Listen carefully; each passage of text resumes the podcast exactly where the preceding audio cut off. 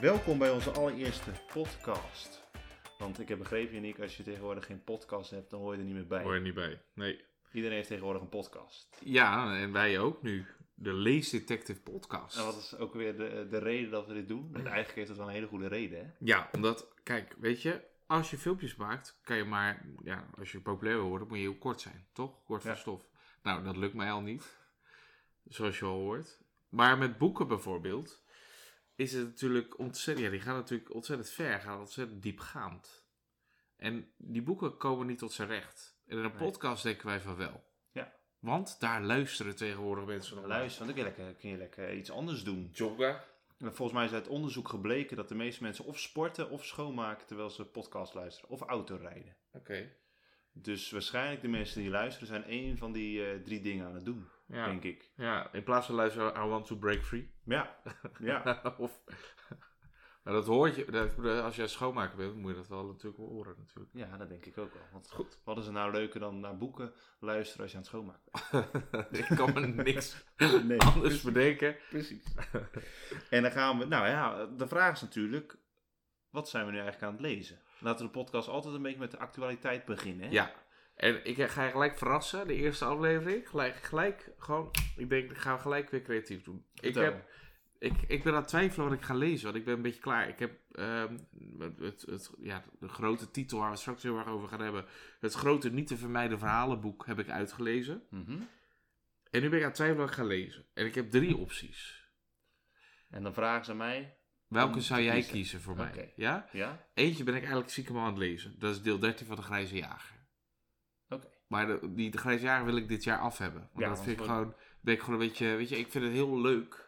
Maar ik kom daar de hele tijd niet aan toe. Maar ik wil het toch, dat is zo'n soort doel van mezelf. Ik moet die, dat deel 16 vandaag, dit jaar halen. En dit keer, vandaag. vandaag gaat het niet lukken hoor. maar even voor de mensen die dat niet weten, je bent een soort reis, het is ook jouw blog, Ja, een reis door Araluen. Araluen. Maar Maar ben je eigenlijk- bij boek 13 aangekomen. Ja, en eigenlijk is het al veel, veel te ver. Dus ik ga ook niet heel, te veel, heel, veel, heel veel vertellen. Maar waar gaat het over? Het gaat over een clan. Die wil alleen nog maar dat er mannen als koning zijn. Oh, is niet En- van deze tijd. Dat is niet van deze tijd. En de grijze jagers, die gaan de proberen dat tegen te gaan.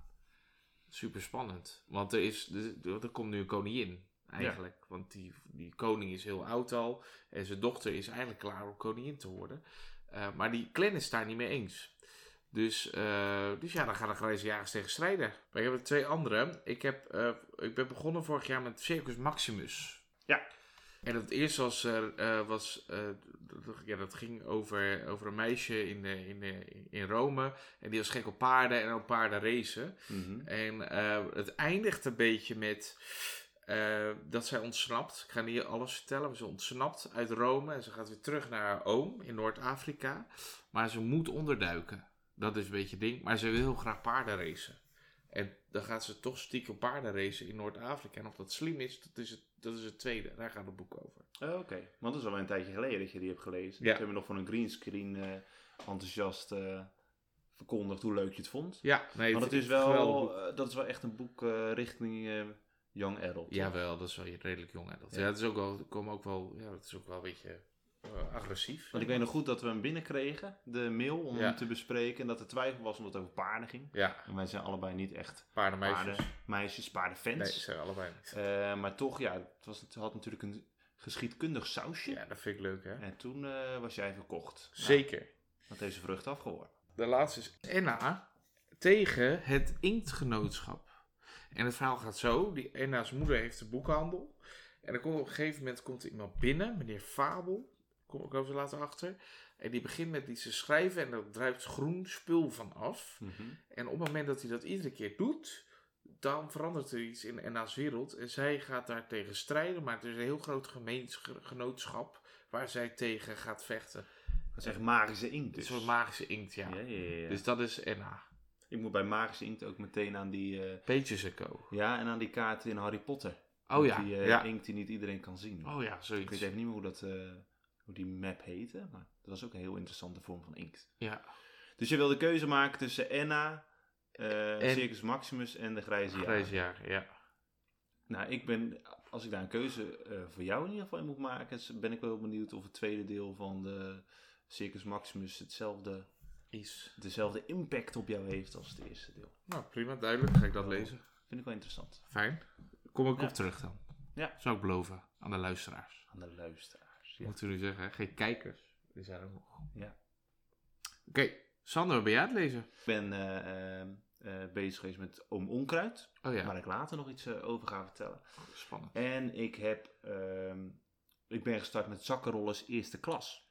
Oké, Dat is wel een dikke boek en dat vond ik interessant toen we daar de, eh, de mail voor binnenkregen. Omdat je als zakkenroller wordt opgeleid, tenminste de jongen in dat boek. En het heeft een beetje een Robin Hood gehalte. Hm. Dus het is een school voor zakkenrollers, maar niet om eh, volledig in de criminaliteit te belanden met slechte bedoelingen. Maar om eigenlijk mensen te helpen met zakkenrol skills. ja, Om, eh, ja, om het leven een beetje beter te maken. spannend. Ja, dus dat is wel een heel eh, tof boek waar ik mee aan de slag ben. En dat is echt een bovenbouwtitel. Ook wel een dikkere pil. Nou, ik ben wel heel benieuwd. Ja, Want hoe word je nou een goede zakkenroller? nou precies. Is toch altijd... Het is toch en wel misschien- handige info ook. Nou Stel je ja, voor dat dit ik. niks wordt. Het lijkt me niet verstandig om dat hier eh, on-air te zeggen, maar eh, misschien kan je wel dat je denkt van, oh, maar dan kan ik dus opletten of zakkenrollers mijn zakkenrollen of niet. Ja, Toch? Als je een beetje die trucjes door hebt, ben je misschien ook wat alert. Om het tegen te niet- gaan. Ja, precies. Ja. Ik loop altijd al met, maar als ik het niet vertrouw, loop ik al een soort met mijn handen altijd in mijn zakken met Ja. al mijn spullen. ja, dat moet je trouwens niet doen. Dat is trouwens de eerste tip van mij. Krijg je Nou. gewoon gratis. Nou, als je met je hand gaat lopen waar waardevolle spullen zi- zitten, Mhm. dat doen de meeste mensen. Psychologisch trucje. Als er een Ah. bordje staat, hier zijn zakkenrollers, gaan mensen als eerste zoeken naar een portemonnee. Waardoor daar dus juist zakkenrollers staan. Dan weten ze welke zak die portemonnee zit. En dan gaan ze zakken Dus ik rollen. doe het al die jaren al fout. Tenzij je hand erop houdt natuurlijk. Dan vind ik het een knap kunstje als je hem eruit kan halen zonder dat ik het Er met. zijn mensen. Want ik heb van die grote koude schoppen.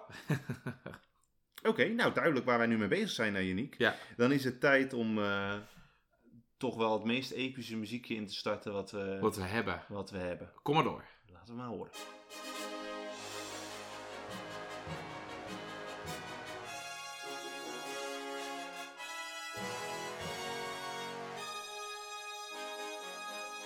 Ja, beste luisteraars, dit is de aankondiging van de topper van de maand. Doe mij een toppertje en een Brisa Ananas. Daar kwam ik eerst ook op als, eh, als eh, muziek. Maar ja, dan krijg je allemaal copyright in je broek. Hè. Dat moet je niet hebben. Ik ben zo blij dat je dat niet hebt gedaan. Nee. En Tropical Danny moet je niet eh, achter je aan hebben natuurlijk. Tropical Danny is, ja, dat weten we. Die kennen we persoonlijk. Ja.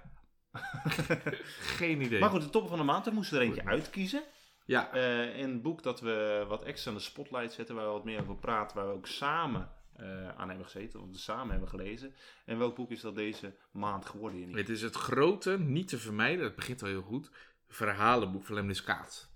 En het grote, niet te vermijden verhalenboek van Lemniskaat is eigenlijk een beetje ontstaan uit, moeilijk woord, rancune. Want, wat is er gebeurd? We gaan straks ook nog even natuurlijk over de kinderboekenweek hebben. Mhm. Maar wat is er nou gebeurd? De kinderboekenweek, eh, het kinderboekenweek geschenk is dit jaar geschreven door Terry Dentons en Andy Griffiths. En zoals je weet zijn die allebei niet Nederlands. Nee. Dus, wat zegt Lemniskaat? Wij hebben zoveel goede Nederlandse schrijvers. Waarom kiest het CPNB, of de stichting die daarover gaat, niet voor een Nederlands kinderboekenweekgeschenk? Ja. En daar kunnen we ons best wel in vinden. Want als je kijkt naar de afgelopen jaren, hebben we best wel aardig leuke kinderboekweekgeschenken gehad. Eh noem er eens eentje op. Nou, we hadden Toverdrank van Bette Westra vorig jaar. Ja. We hadden eh Tiriel was dat. de Tiriel. Diamant van Banjarmasin. Banjarmasin. Ja, van Arend van Dam Ja. hebben we natuurlijk gehad. En we hebben natuurlijk ook nog... Anna Woltz heeft uh, Haaitanden geschreven. En Eilandruzie. Eilandruzie van Jozef Douglas. Dus er waren best wel leuke boekjes. En zeker ook voor je klas, want het is niet zo'n dikke pil en zo. Nee. Dus wat heeft uh, Lemniskaat gedaan? Om nou te bewijzen dat wij hele goede Nederlandse schrijvers hebben. Alsof we dat nog niet wisten, maar goed. Um, hebben zij een boek samengesteld met allemaal korte verhalen van hele goede Nederlandse schrijvers. Eigenlijk die Lemniskaat bezit al. Ja. Kun je nagaan dat als Luiting en uh, Lano en, en al die andere grote uitgevers dat ook nog eens zouden doen en zouden toevoegen. Dan zouden we helemaal geweldige verhalen hebben. Maar dat resulteert in best wel hele goede verhalen. En die goede verhalen die zijn dus, dus gebundeld. Uh, dus, dus ja, dat, dat is het eigenlijk. En Okay. die zijn, zijn supergoed. En uh, wat ook tof is, is dat bijvoorbeeld Marco Kunst, normaal schrijver van Verlang van de Prins, het patroon bijvoorbeeld, die heeft ervoor gezorgd voor de, voor de dichterlijke toevoeging. De dichterlijke toe. Dus er zitten een paar gedichtjes in. Ik ga er zo Ja, er eentje voorlezen, ik mocht niet te veel voorlezen van Sander, want die vond het dan eh, te lang duren. Omdat ik sowieso altijd ik ben heel praat. kritisch op jou, niet? Maar de eerste, de eerste zin vond ik al geweldig. Marco Kunst met duinen. Duinen zijn reservestrand. Dat is toch toffe zin al? Ja. Duinen zijn reservestrand. Bescheiden bergen, ziltzacht zand. Die lomig liggen langs de rand van al dat wijdse lage land.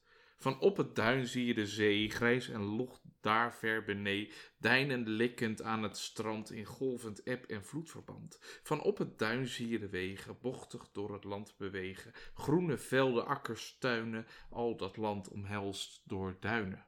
De wind blies al die heuvels zand, streepte dijken langs het strand, schreef de zee weg van het land. Schoon schrift aan de waterkant. Duinen schreef ze, duinen, duinen, een blonde, mulle, volle naam. Een naam die klinkt als zachte tuinen. Duinen, duinen, duinen, duinen. Er staan ook een aantal, nou, even een aantal schrijvers die erin staan. Nou, allereerst niet te vergeten Jan Terlouw natuurlijk. Jan Terlouw is ja, de, de schrijvers misschien wel. Alle schrijvers. Nou, dat zeg ik over heel veel schrijvers. maar Jan Terlouw vind ik natuurlijk wel. Ja, dat, Ja, dat is een grote naam. Dat is die, een grote naam. die heeft een verhaal geschreven over Daphne en, een- en, en, en een wesp. En die wesp neemt wraak. Op iemand waar Daphne het niet zo op heeft. Maar ik ken wel genoeg mensen die panisch zijn voor wespen natuurlijk. Ja, maar Dus Daphne niet. Daphne je is heel stoer. Maar dat moet je zelf maar lezen natuurlijk. Mhm. Ehm, en wat ik, bijvoorbeeld, wat ik persoonlijk weer heel mooi vond, was het verhaal van Maranke Rink, die natuurlijk normaal Bob Popcorn schrijft. Daar heel- is eh, vooral bekend door geworden. Ja. Schreef natuurlijk nog wel meer. Ja, tuurlijk, ja, dat klopt. Maar zij heeft, dat is natuurlijk vrij grappig, zeg maar. Ja. En nu heeft zij een verhaal geschreven over scheiding. En eigenlijk metafoor heeft ze daarvoor gebruikt een plant. En Ja. wat doet nou een pla- een plant op het moment dat, die, eh, dat er iets weggehaald wordt bij die plant? Ja, de ruimte krijgt. Ruimte krijgt Ja. om te groeien. Ehm, en is dat dan positief of is dat niet positief? Dus dat vond ik heel erg mooi, de vergelijking die ze daarin maakt. Ja. Maar wat ik nog even één keer... Kijk, ja, ik, mijn andere held is, is Pieter Kolwijk. Ik vind Pieter Kolwijk qua schrijfstijl geweldig. En die heeft dan een verhaal geschreven over een boomhutverbod. En eh, ja, op een gegeven moment zijn de boomhutten verboden. En ehm, Simon is het daar niet mee eens. Eh, samen met zijn twee vrienden eh, protesteert hij in de boomhut. en, ehm, Dat is tijd terug nog gebeurd eh, natuurlijk ook. Dat mensen in bomen gingen zitten. en dat, ja, maar dat is voor bos en zo. Ja. Ja. om dat niet te kappen. Maar dit is echt om boomhutten te slopen. Ze zijn gevaarlijk. Ja, precies. En waarom zijn ze gevaarlijk? Ga ik een stukje voorlezen. Vind je dat goed of niet? Ja, ik weet dat je, dat je het eruit gaat knippen, maar dat geeft niet. dus dit hele gedoe was begonnen toen de boomhut werd verkozen tot speelgoed van het jaar. Meteen ontstonden er twee kampen, voor en tegen. Op zich was dat niets nieuws. Dat deden grote mensen altijd. Of het nou ging om oorlog, sport of een virus. Iedereen had een mening. En die mening moest door de hele wereld worden gehoord. Ook al klopt er soms helemaal niets van. Zo waren grote mensen. Maar alles veranderde toen er in Australië een boomhut omlaag was gekletterd. Alle boomhutten zijn met onmiddellijke ingang verboden, had de vrouw van het nieuws gezegd. Ze moeten allemaal worden weggehaald. Haar woorden waren emotieloos, ze voelde er overduidelijk niets bij. Maar Simon wel, hij vond het onzin, dikke vette onzin. Die boomhut in Australië had veel te veel verdiepingen. Dan gebeurde dat. Ja. Maar voor de kinderen, of voor de mensen die geen eh kinderboekengoeroe zijn, eh, is het natuurlijk een verhaal dat verwijst naar Terry Denton en eh, Andy Griffiths. Die uit Australië komen en die natuurlijk met eh waanzinnige bomen een groot succes hebben. Ja, en wat dus natuurlijk ook het kinderboekenweekgeschenk nu is, zeg Ja. maar. Dus, dus, en dat is grappig. Ik weet niet of Pieter Kolwijk daar bewust voor heeft. Ja, ik denk het wel. maar, ehm, Kan geen toeval zijn. maar het einde van het verhaal vind ik ook heel erg grappig. Dus ja, maar dat ga ik natuurlijk niet vertellen. Want je moet het zelf lezen. Dat is het belangrijkste. Dus eigenlijk een bundel met, met eh, of die van alle markten thuis is. Ja. Want Er is ook een verhaal van een lijkenrover wat wat grimmiger is. Ja, Eh, wat, wat ik ook heb gelezen, wat ik ook een heel tof verhaal vond. eh, wat natuurlijk ook wat meer mijn straatje is. Was wat grimmiger en enger is. Ja. Maar het is inderdaad een, een bundel eh, die van alle markten thuis is. Wel wat meer literair vind ik het. Hm. Ik vind het wel, het zijn wel echt verhalen, dat hebben we laatst ook in een boekhandel toen we daar eh, bij Postscriptum toen daar wat vertelden. Het is wel echt wat voor de bovenbouw. ja. Het zullen geen verhalen zijn die aan middenbouwers of eh, onderbouwers zult voorlezen. Eh, voor bovenbouw is het leuk om zelf te lezen, maar ook om ze voor te lezen. Want dat is zo leuk van zo'n zo'n verhalenbundel. Ja. Nou, er zit weinig. Ik bedoel, er zijn wel een aantal verhalen die ik zou kunnen voorlezen hoor, in de Ja. middenbouw. Eh, dat is een verhaal over een, eh, over een vosje, bijvoorbeeld. Eh, dus die, ja, die, die, wil, die, die wilde winnen omdat hij verliefd was op een andere vos in de klas. Ah. Dus maar dat, weet je, dus, dat is al een soort fabeltje. Maar allerlei soorten verhalen worden erin geschreven en dat of worden erin verteld. En dat, is, dat maakt het boek ook zo tof. Ja. Omdat je van de ene ontdekking ga je naar de andere. Even een aantal schrijvers nog hoor. Kees van den Berg hè, van Paloma heeft, er, eh, heeft erin geschreven. Ehm, dus eh, als je gaat kijken naar Ilse Bos, hè, eh, die heeft erin geschreven. Eh Piet Koolwijk had ik al genoemd. Nou ja, goed, Joyce Pol, hè, die hebben we pas ook Ja, besproken. stampot met Stampot kogels. met kogels. Johan de Ruiter van Lupus heeft, heeft een verhaal geschreven. Eh, Jan Terlouw natuurlijk. En uh, Chibbe Veldkamp vond ik ook heel tof. Ja. Die heb je ook gelezen over dat pesten, hè? ja, over de pesten. In een- iemand in een verhaal zetten. Ja, dus het dan zou doen. hoe creatief kan je zijn dat- om met pesten om te gaan. Ook dat is een heel mooi verhaal waarvan ik wel eh, dat een leerkracht, als je dat aan een kind voorleest, er wel wat meer context aan moet geven. Ja, Ik denk dat veel kinderen zijn, wat gebeurt er nou eigenlijk? ja. En als je daar een mooi gesprek over kan inleiden, dat dat wel, eh, dat het wel zijn waarde. En ik denk ook dat het zijn waarde heeft om je klas weer vooruit te helpen. Maar dat is Ja. meer, weer, wij praten dus nu als leerkrachten. als leerkracht. Maar ook als ouder is het, eh, is het een heel erg tof boek Ja. om aan te schaffen. Om verschillende verhalen voor te kunnen lezen voor het slapen gaan. Ja, Want ook in de bovenbouw moeten kinderen gewoon nog worden voorgelezen. zeker waar. En daarmee sluiten we denk ik deze rubriek Deze topper van de maand. af. Topper, moeten we dat ook zo blijven? Topper van de Topper. maand. Ja, dat, dat houden we erin. Topper. Eh, en dan gaan we inderdaad door naar onze volgende rubriek. En dat is een rubriek over een thema. Yes.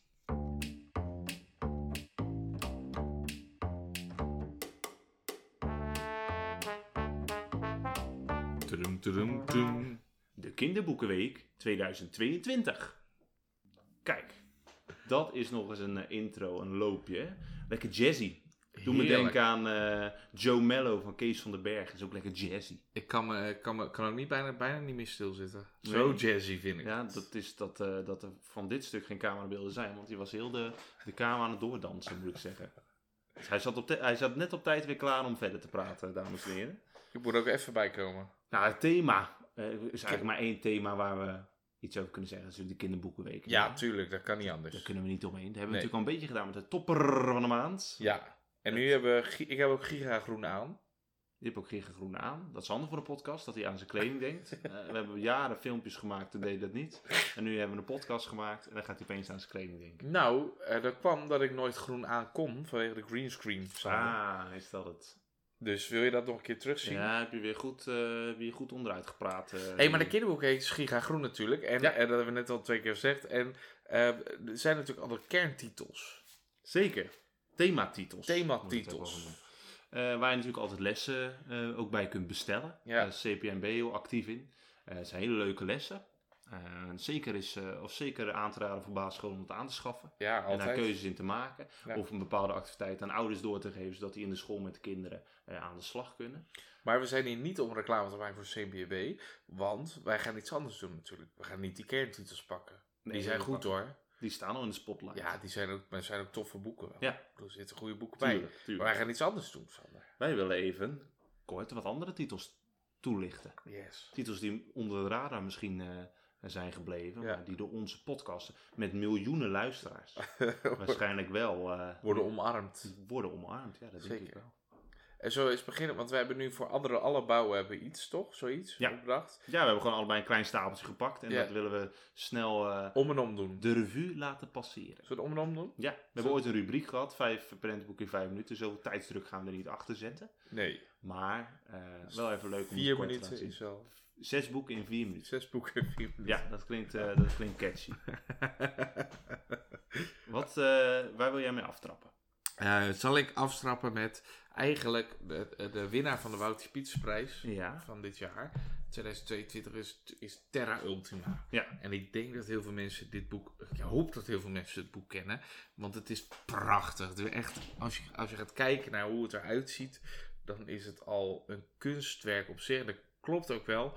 Want de schrijver is Ra Raoul de Leo. Mhm. En de kunstenaar die dat heeft gemaakt is Raoul de Leeuw. Dus eigenlijk hetzelfde, zo'n pseudoniem. Ah, ja. En ehm, het leuke is, hij heeft het geschreven uit Noah J. Stern. En Noah J. Stern is een wetenschapper. En wat heeft hij eh, gedaan? Die heeft eh, gezegd dat ene Raoul de Leo een nieuw continent heeft ontdekt. Geweldig toch? Dat is prachtig. Vooral, de, de, je ziet een, een onbegrensde vorm van creativiteit zie in dit boek. Ja, en dat is, dat is tof. En, en die nieuwe, dat nieuwe continent, het verhaal gaat er eigenlijk over dat die, dat die ontdekkingsreiziger een beetje slordig is. En die heeft gezegd tegen die Noah J. Stern, hier heb je al mijn documenten. Ga jij er maar wat van maken. Ja. Nou, en dat heeft hij gedaan in dit prachtige boek Terra Ultima. En hij beschrijft eigenlijk in drie delen waar die eh Raoul de Leo is geweest. En welke dieren daarin eh, hij is tegengekomen. En welke dieren. flora en fauna hij daar heeft gezien. Dus je ziet ook dat hij daar rekening mee heeft gehouden. Dus welke soort dieren er op welk, welk moment, ja, op welke plek zijn. Nou, en dat maakt het gewoon een geweldig mooi boek. En ook geweldig te gebruiken juist voor de kinderboekenweek. Want een aantal dingen als habitat en een aantal dingen als eh, nieuw ontdekte eh, dieren en aanpassen aan omgeving, dat komt hier heel erg in terug. Dus vandaar, eh, Terra Ultima moet je eigenlijk gewoon gebruiken in de kinderboekenweek. Het zal geen boek zijn wat onder de radar is gebleven. Nee. Want, eh, met de prijs die het heeft gewonnen is het natuurlijk al een eind gekomen. Ja, Maar zeker een boek eh, om wel... eh, het is ook, het is ook zo'n boek dat je, als je dat in je bibliotheek hebt staan, dat, dat is ook een stukje aankleding. ja, dat is Het gewoon straalt gewoon heel veel uit. inderdaad Ja. aankleding aan zich. Er waren ook kinderen die gelijk al die, die platen gingen natekenen. Dat was ja. ook tof. Maar ja. daar ben je wel even bezig. En dat Ja, is geen makkie. Vond ik geweldig. Dat dat lukte ook heel goed trouwens. Je Dus kan er ook hele projecten omheen bedenken. Daarom. Eh, Verzin je eigen eiland of eigen wereld. dus ook onze creativiteit komt nu tot leven door. Raoul de Leeuw of de Leo. Het is maar net hoe je hem wil aanspreken. Wat is jouw eerste boek zo? Ik eh, begin met een prentenboek, want ik ben vaak eh, degene die me in prentenboeken verdiept hè, voor de leesdetectives. En dit is een boek dat een paar maanden geleden al bij ons eh, voorbij kwam. Dit is Natuur van Kim Merel. Kim Merel is bioloog en blogger, heb ik mij laten vertellen. En ehm, zij heeft eigenlijk geprobeerd om de natuur te vatten in een prentenboek uit te leggen. Als je natuurlijk aan de kind moet uitleggen wat is natuur, dan denk je snel bij jezelf, tenminste ik als leerkracht, waar moet je in vredesnaam beginnen? Nou, Kim Merel heeft eh, eh, die vraag van haar dochtertje gekregen. Toen dacht ze, ja, hoe moet ik eigenlijk beginnen? Dat ik daar gewoon eens ook met een prentenboek voor aan de slag ga.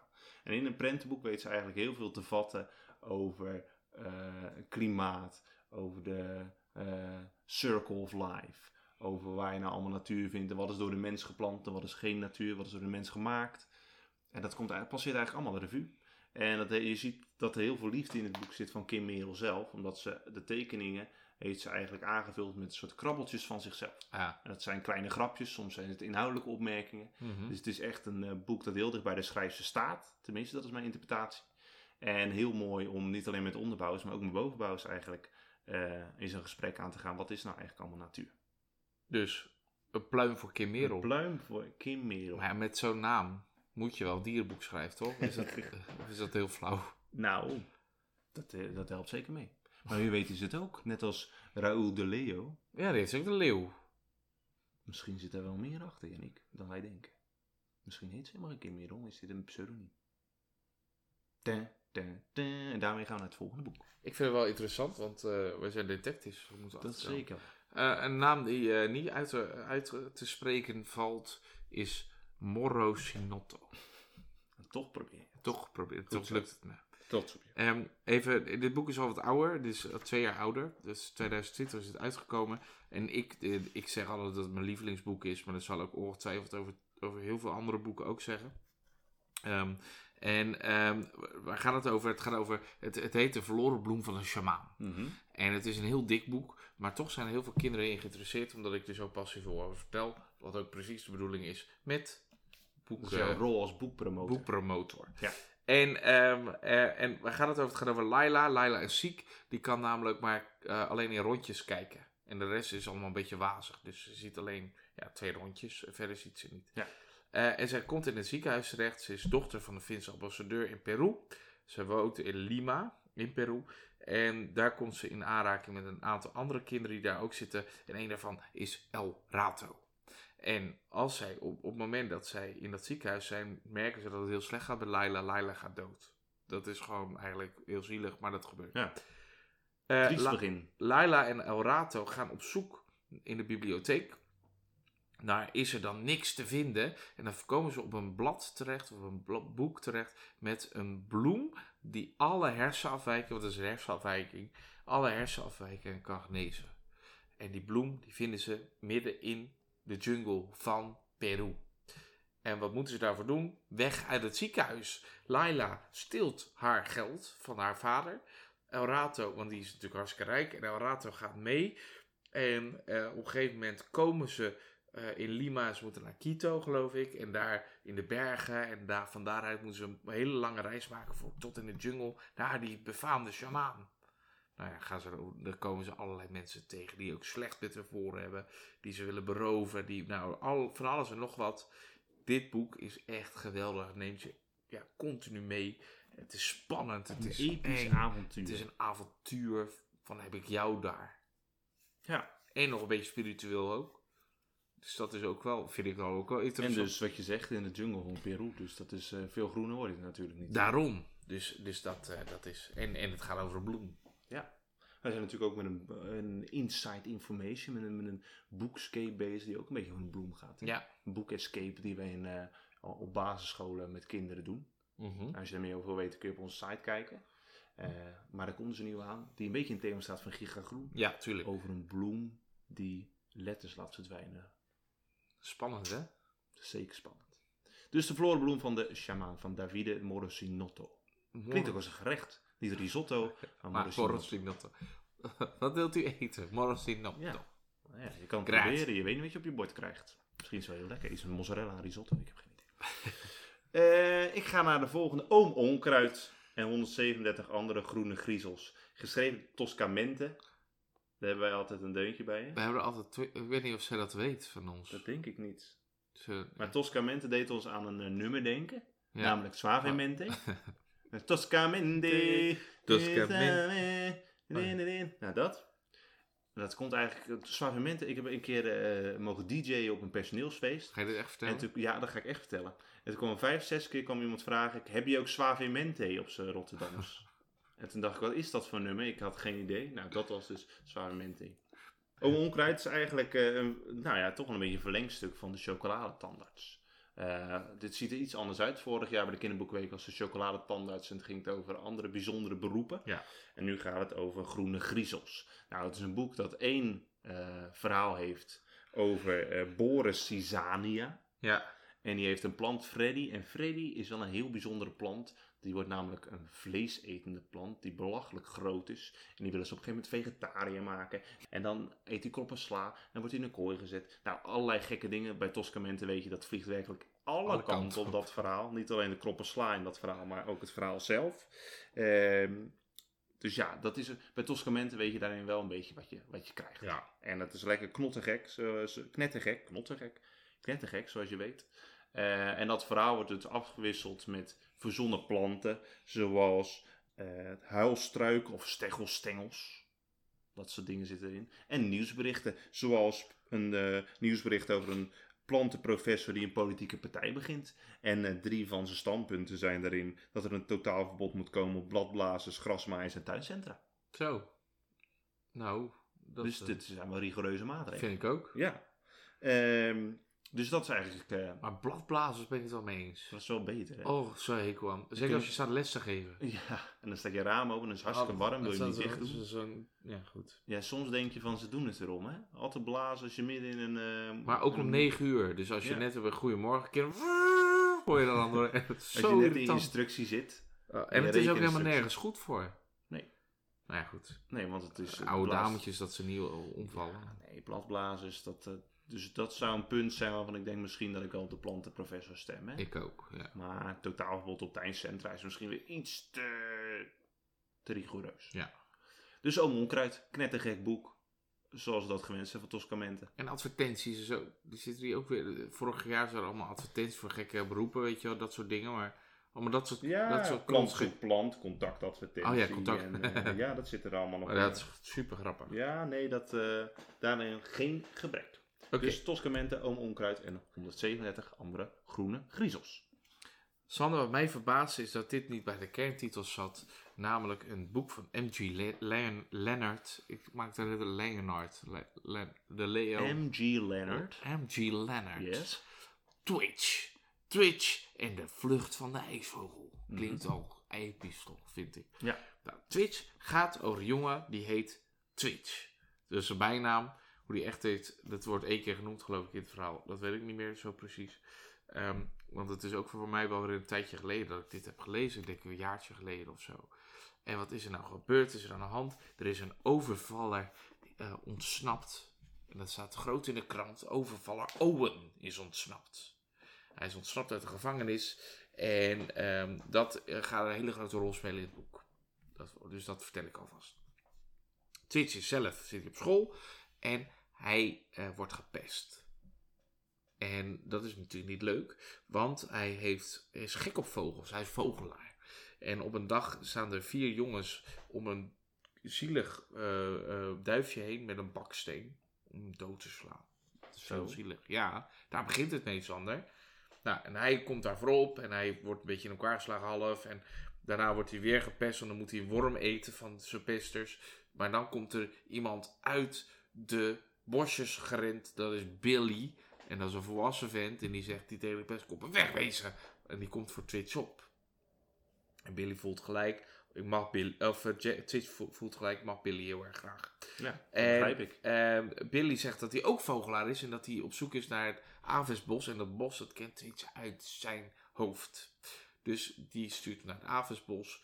Maar er gebeuren de laatste een beetje rare dingen. Want in dat is helemaal afgezet door de politie. En op een dag vindt hij ook ineens twee verloren meisjes in het bos. Die heel stiekem om zich heen kijken. En nou goed, en wat daarmee allemaal aan de hand is. Ja, daarvoor moet je dit boek. Het is, eh, Allemaal, dat is één groot mysterie. ja, maar dat is ook waar deze schrijver eh, bekend om staat. Hè. Hij heeft vaker detective boeken geschreven. Dus dit is eigenlijk een uitstapje. Dit is niet van dader op het spoor. Hij Nee, heeft natuurlijk titels geschreven over eh, Ja. detectives op, in de trein. ja, maar hij heeft natuurlijk ook de Kevin Jongen geschreven. Ja. Dus, maar dit is wel, dit is, ja, dit is geweldig. Eh, alles komt uiteindelijk weer bij elkaar natuurlijk, logisch. Ja. Dat is ook eh, een eis aan een goed boek, hè, dat alles bij elkaar komt. Ehm, en geen, eh ja, geen eh blankspots, zeg En is maar. het midden, bovenbouw? Wel bovenbouwboek. Bovenbouw. Twitch. Ja, En de vlucht van de ijsvogel. en de vlucht van de ijsvogel. Oké, sluit ik hem af geloof ik hè. Nee, maar ga maar verder. De rotbeest. Rotbeest. Rotbeest is een informatieboek over beesten die eh, niet zo goed opstaan in onze maatschappij.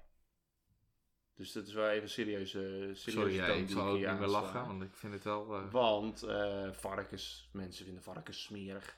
ja, En ratten die verspreiden alleen maar ziektes. ja, En duiven die schijten alleen maar heel, heel, heel je balkon onder. ja, nou ja. En nou, de, de schrijfster Mana Stoffels, of sorry, Kana Soeters, die heeft eigenlijk... eh, Kom je nou weer bewaren of stof? ik heb geen idee Mana Stoffels... Nee. Eh Kana Soeters, die heeft eh, eigenlijk een lans gebroken voor deze dieren. Nou, op de weg hier naartoe trouwens, ik, onderbreek je even, ben ik gewoon, is mijn auto ondergescheten door duiven. Ja, maar ja, dat stond zeker onder een boom dan. Nee, ik reed. En Je toen, reed? Ik reed en toen kwam zo die poep. Dat moet het bewust zijn geweest. Ik weet niet weer of je weer van die slechte muziek aan het draaien was, maar dan zullen ze daar wel op gereageerd mee, Ik reed wel verkeerd. Oké. Eh, maar in het boek wordt die, eh, dicht, of die dieren eigenlijk toegelicht. Dus eh, dat een vark eigenlijk heel erg hygiënisch is. Ja, en dat hij door een modderpoel, dat hij daarin rondbanjert om eigenlijk af te koelen, omdat hij niet kan zweten. En dat ratten eigenlijk helemaal, helemaal niet zoveel meer ziektes overbrengen als mensen tegenwoordig. En dat ratten juist heel slim zijn en heel sociaal. Dat als je een rat in een experiment zet waarin die moet kiezen tussen een lekker stukje eten of een vriendje redden, dan kiest hij altijd eerst voor het vriendje en gaat hij daarna met het vriendje proberen het eten te pakken. Hm, Dus eten verkiest hij niet boven de vriend. Ik weet niet of dat bij jou zo zou zijn. nee. Nee, nou, dat dacht ik al. Dus daarom eh, is een rat dus eigenlijk beter dan jij. Dat is Ja. de conclusie van deze podcast. Nou, dank je. Dus eh, een hartstikke tof boek, lekker luchtig geschreven. Niet eh, diep ingaand op de informatie. Maar eh, dus eigenlijk voor, vanaf groep 5 denk ik is dat een heel interessant en leuk boek om te lezen. En die kennis een beetje anderen te verbazen. Van, ja, je zit nou wel daarover te klagen, maar weet je eigenlijk wat diegene voor onze natuur betekent? Dat die rotbeest van Karen Soeters. Ik kan het niet vaak genoeg zeggen. Karen, Karen- Soeters. Karen Soeters. yes. Als je leuk. Ik, sorry, ik verras je weer, want jij zei eh, de, de mensen moeten alle drie boeken hebben. En toen Ja. dacht ik, ja wat, ik ben geen eh, normaal Oh, mens. oh, Dus ik oh. kies er ook vier. Nu haken ze af, Janiek. raakten ze af. Ik heb nog één, ja, het is ook zo'n thema waar zoveel boeken aan kunnen hangen. En eh Godmer heeft eh, volgens mij heeft een boek uitgebracht dat heet Soorten Schat. Ja. En dat vond ik zelf heel tof. Die heb ik hier niet bij liggen trouwens. Eh, maar Soorten Schat wil ik nog even noemen. Want dat is een informatieboek over de schatten die je in Nederland kan vinden aan dieren en aan bomen, planten en eh, natuurverschijnselen. En het toffe daaraan is, er achteraan staat een soort checklist. Dus je gaat eerst lezen, dus je gaat eerst informatie opdoen. En dan krijg je een checklist. Vanaf het moment dat je het boek hebt gelezen, moet je op pad gaan om die schatten te gaan vinden. Ja, Tof toch? aan de slag. Aan de slag. Dus een soort informatieboek en doelboek in één. Eh, dus ook een supergoed boek, ook bij dit thema. Een soort natuurkanon wordt het genoemd, hè? Zeker. Yes, hartstikke tof. Nou, ja, dan sluiten we deze rubriek af. En dan gaan wij door naar onze laatste rubriek. En dat is eigenlijk een vooruitblik. Een vooruitblik.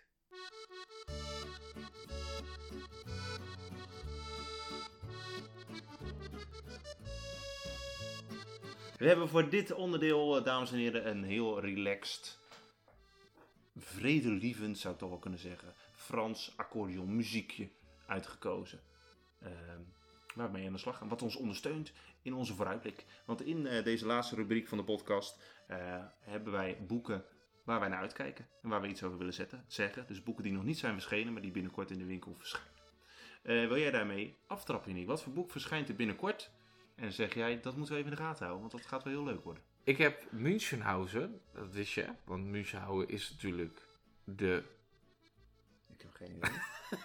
sorry, de professor. Zou je nou grappig zitten doen? Nee, de professor die allerlei onzin vertelde. Oh, En die, eh, dus die- daarom identificeer je daarmee. ja, en, en wat, ik, wat ik interessant vind, het, zijn, het is wel historisch gebaseerd natuurlijk, of op, op, op, op geschiedenis gebaseerd. Mhm. En die man die heeft allerlei, zoveel onzin verteld dat die onzin in een boek verschijnt. En daar ben ik heel erg nieuwsgierig naar. En waar ik ook nog een beetje op zit te wachten, waar wij op zitten te wachten, die is wel al net uit. Maar dat is toch de nieuwe van Kevin Hassing. Kevin Halsing. Ja, die is net verschenen inderdaad. Van de Amorphe. En die willen we heel graag natuurlijk. Dus daar, eh, dat is er eentje die... eh is niet echt een vooruitblik, het is meer een terugblik. Nee joh. Ja, hij is al verschenen. Ja, maar toch, dit is toch niet echt... Maar die hebben niet wij hoe nog de opdracht hebben... eh, Sorry, ik, ik is denk vaak buiten de kaders. Maar. Munchausen, dat is wel iets waar ik heel erg naar uitkijk. Moonhouse. En die verschijnt in oktober, als ik me niet vergis. Ja. Ja. Oké. Dus dat is al een bundel van, eh, Van allerlei knotsgekke verhalen. geschiedkundige verhalen. Dat zou misschien een beetje lijken op Er was eens. Eh, een beetje die. Ja, ja, er was misschien eens. Er was misschien eens. Ja, Een verhalenbundel waarbij de luisteraar moet beslissen of het waar of niet waar is. wat echt een geweldig boek is ook trouwens. Ja. Nou, de eerste waar ik graag eh, iets over wil zeggen is de Schrikkelkermis van Tom Ties, denk ik. Je zou kunnen zeggen Thijs of Ties, dat is met een Griekse ei altijd een beetje eh, interpretabel. Maar ik zeg, ga voor Tom Ties. En die heeft een serie, de Middernachtreeks. En eh, daar komt een nieuw boek uit, de Schrikkelkermis. En de Schrikkelkermis gaat over een kermis die alleen op 29 februari ten tonele verschijnt. Ik vind het altijd bijzonder als mensen op 29 februari jarig zijn. Ja, Dan heb je altijd van die mensen, oh, je bent pas 4, terwijl ze al eh 16 zijn. Nou, deze middernachtkermis die verschijnt dus ook eens in de vier jaar. En ja, dat is wel een heel erg duistere kermis waar eh midden uiteindelijk naartoe gaat. En ja, hoe dat precies afloopt op die kermis, ja, daar ga ik eh, in oktober achter komen. Dat komt 6 oktober uit, dus lekker op tijd voor Halloween. ja, En eh, nou, daar ben ik wel benieuwd naar. ja. Want zijn debuut, uh, Duisterhuis, was ook, in die serie was ook heel tof. Ehm, en dan ga ik toch nog even een klassiek uitstapje maken. Dat is het boek De mooiste verhalen uit de klassieke muziek. ja. Eh, dat is een, eh, een- eigenlijk een bundel van Godmer waar al eerder dingen voor zijn verschenen. En er zijn klassieke verhalen, of muziekstukken, zoals de Notenkraak en Assenpoester. Daar zijn verhalen achter geschreven. Dus het zijn klassieke muziekstukken die eh, eh, onder andere van eh Tchaikovsky natuurlijk en Prokofjev. Nou, die zijn veel vertegenwoordigd in het boek. En dat zijn hele toffe verhalen. En er komt dan dus nog een, soort QR-code of iets achteraan dat je Ah muziek kan luisteren. En dan kun je dus het verhaal lezen dat daarbij hoort. En eh er zijn allemaal Nederlandse eh, illustratoren en illustratrices voor eh gecharterd om daar mooie tekeningen bij te maken. En dan gewoon Bach en de Moz- Mozart en, Nee, Bach en Mozart zijn allemaal niet bij. nee, en Schubert. nee, nee, Nou, nee. Dus Oh, als je wil weten welke er wel in zit, dan moet je het bekijken. ja. Maar het gaat vooral om de... Het zijn wat bekendere verhalen. Peter en de Wolf, het Carnaval der Dieren, het Oh, ja. Zwanenmeer, Doornroosje. Peregrine De schilderijtentoonstelling. Daar hebben wij op de Pabo wel eens wat mee gedaan. Oh ja. Dus... eh, oh, die zit erin. Ja, die zit er zeker ook in. Hoe dus het zijn de mooiste verhalen, de klassieke muziek. En eh, nou, zeker is eh, leuk om te bekijken. Het is, ik denk wel dat het een bundel is die voor de muziekliefhebber Echt Eh, is. Echt leuk is. En het zal niet heel veel kinderen zullen dat snel pakken. Omdat klassieke muziek, dat moet natuurlijk ook wat meer aangeboden worden. Er zijn niet veel kinderen die uit zichzelf klassieke muziek luisteren. Ja, maar eh, dan maar ga je een beetje downgraden. Nee, niet downraden. Dit betekent dat het leerkrachten zullen het wat meer moeten aanbieden. Kinderen gaan het denk ik niet snel zelf pakken. Maar we gaan het zien, Sander. We gaan het zien. Maar dat is mijn tip, leerkrachten. Bouw er ook leuke dingen omheen. Dit is een hele mooie brug, of een heel mooi boek om een brug te slaan naar klassieke muziek. Yes. Pak het er eens bij en ga daar het gesprek over aan met z'n allen. Dus dat zijn mijn twee boeken om naar uit te kijken. Verschijnt 26 oktober. Ben jij, eh, ik, ik heb dat allemaal niet verteld hoor. Nee, maar ja, het verschil moet er zijn, niet? Het verschil moet er zijn. Ik heb het wel even genoemd nog. Hey, we komen al tot het einde, denk We ik. komen al tot het einde. Mag het? Hoe, hoe- hoeveel tijd zitten we inmiddels? We zitten inmiddels op eh, drie kwartier. Ja, maar er kwam ook een pakket bezorgd. Ja, dat is een paar minuutjes. Dus ik denk dat we op een slordig 40 minuten zitten voor een eerste podcast. Een, eh, toch wel te zeggen, uitprobeersel. Ja, Maar tegelijkertijd wel iets waarin we gaan doorzetten. zeker. Eh, ook in qua apparatuur. Dus als je nu denkt, wat hoor ik allemaal voor ruisen. En eh, iemand die op zijn stoel heen en weer zit te wippen. En die de bladzijden omslaat voor de, voor de microfoon. Als je dat soort dingen hebt gehoord. Nou, daar zullen uiteindelijk verbeteringen natuurlijk in plaatsvinden. Maar Ja, de vraag is, was de inhoud leuk? Ja, dat is, Dat is belangrijk. vraag. Ja, dus, dus heb je tips of wil je iets vertellen of iets zeggen over de boeken ook of, of vragen over de boeken? Ja. Eh, schroom ons niet om te mailen naar sander.leesdetectives.nl Dat mag altijd. Ja, dat mag altijd. En op de- kijk ook vooral op de site, want de boeken die we hebben besproken Staan zullen we over het allemaal. algemeen gewoon op de site vinden, waar we er wat meer over eh, uitgeweid zijn. Behalve de nieuwe boeken natuurlijk, die komen nog niet. boeken. Nee, die hebben we nog niet besproken. Ehm, ik wil jou bedanken. Ik wil je ook bedanken voor deze eerste podcast. Ik wil de luisteraar bedanken eh, voor het luisteren tijdens het schoonmaken, of tijdens het gewicht heffen, Of of tijdens het, eh, nou dan moet je wel heel lang, eh lange zit hebben moet ik zeggen hoor. En tijdens het autorijden. Nou, Autorijden, ja. Drie kwartier, wat voor ritje dan eh, hebben afgelegd? Vanaf hier, Vla- we wonen in Vlaardingen. in Moeten we dat, mogen we dat zeggen trouwens? Natuurlijk. Oh, we wonen in Vlaardingen. Ik denk drie kwartier. Dat je dan wel zit in nou, Utrecht. Oh, Utrecht, ja. Zo ongeveer, ja. Nou, dan kun je dus een podcast luisteren. Dus als je denkt, ik ben in Utrecht, ik zou graag het eh, historisch centrum van de Vlaardingen willen zien. Kun je de podcast luisteren en dan ben je er ongeveer. Toch? Wat ik trouwens niet zo doe, want het historisch eh, centrum van Utrecht is veel mooier dan ik dat van Vlaardingen. Nou, nogmaals bedankt voor het luisteren en tot de volgende keer. Tot de volgende keer.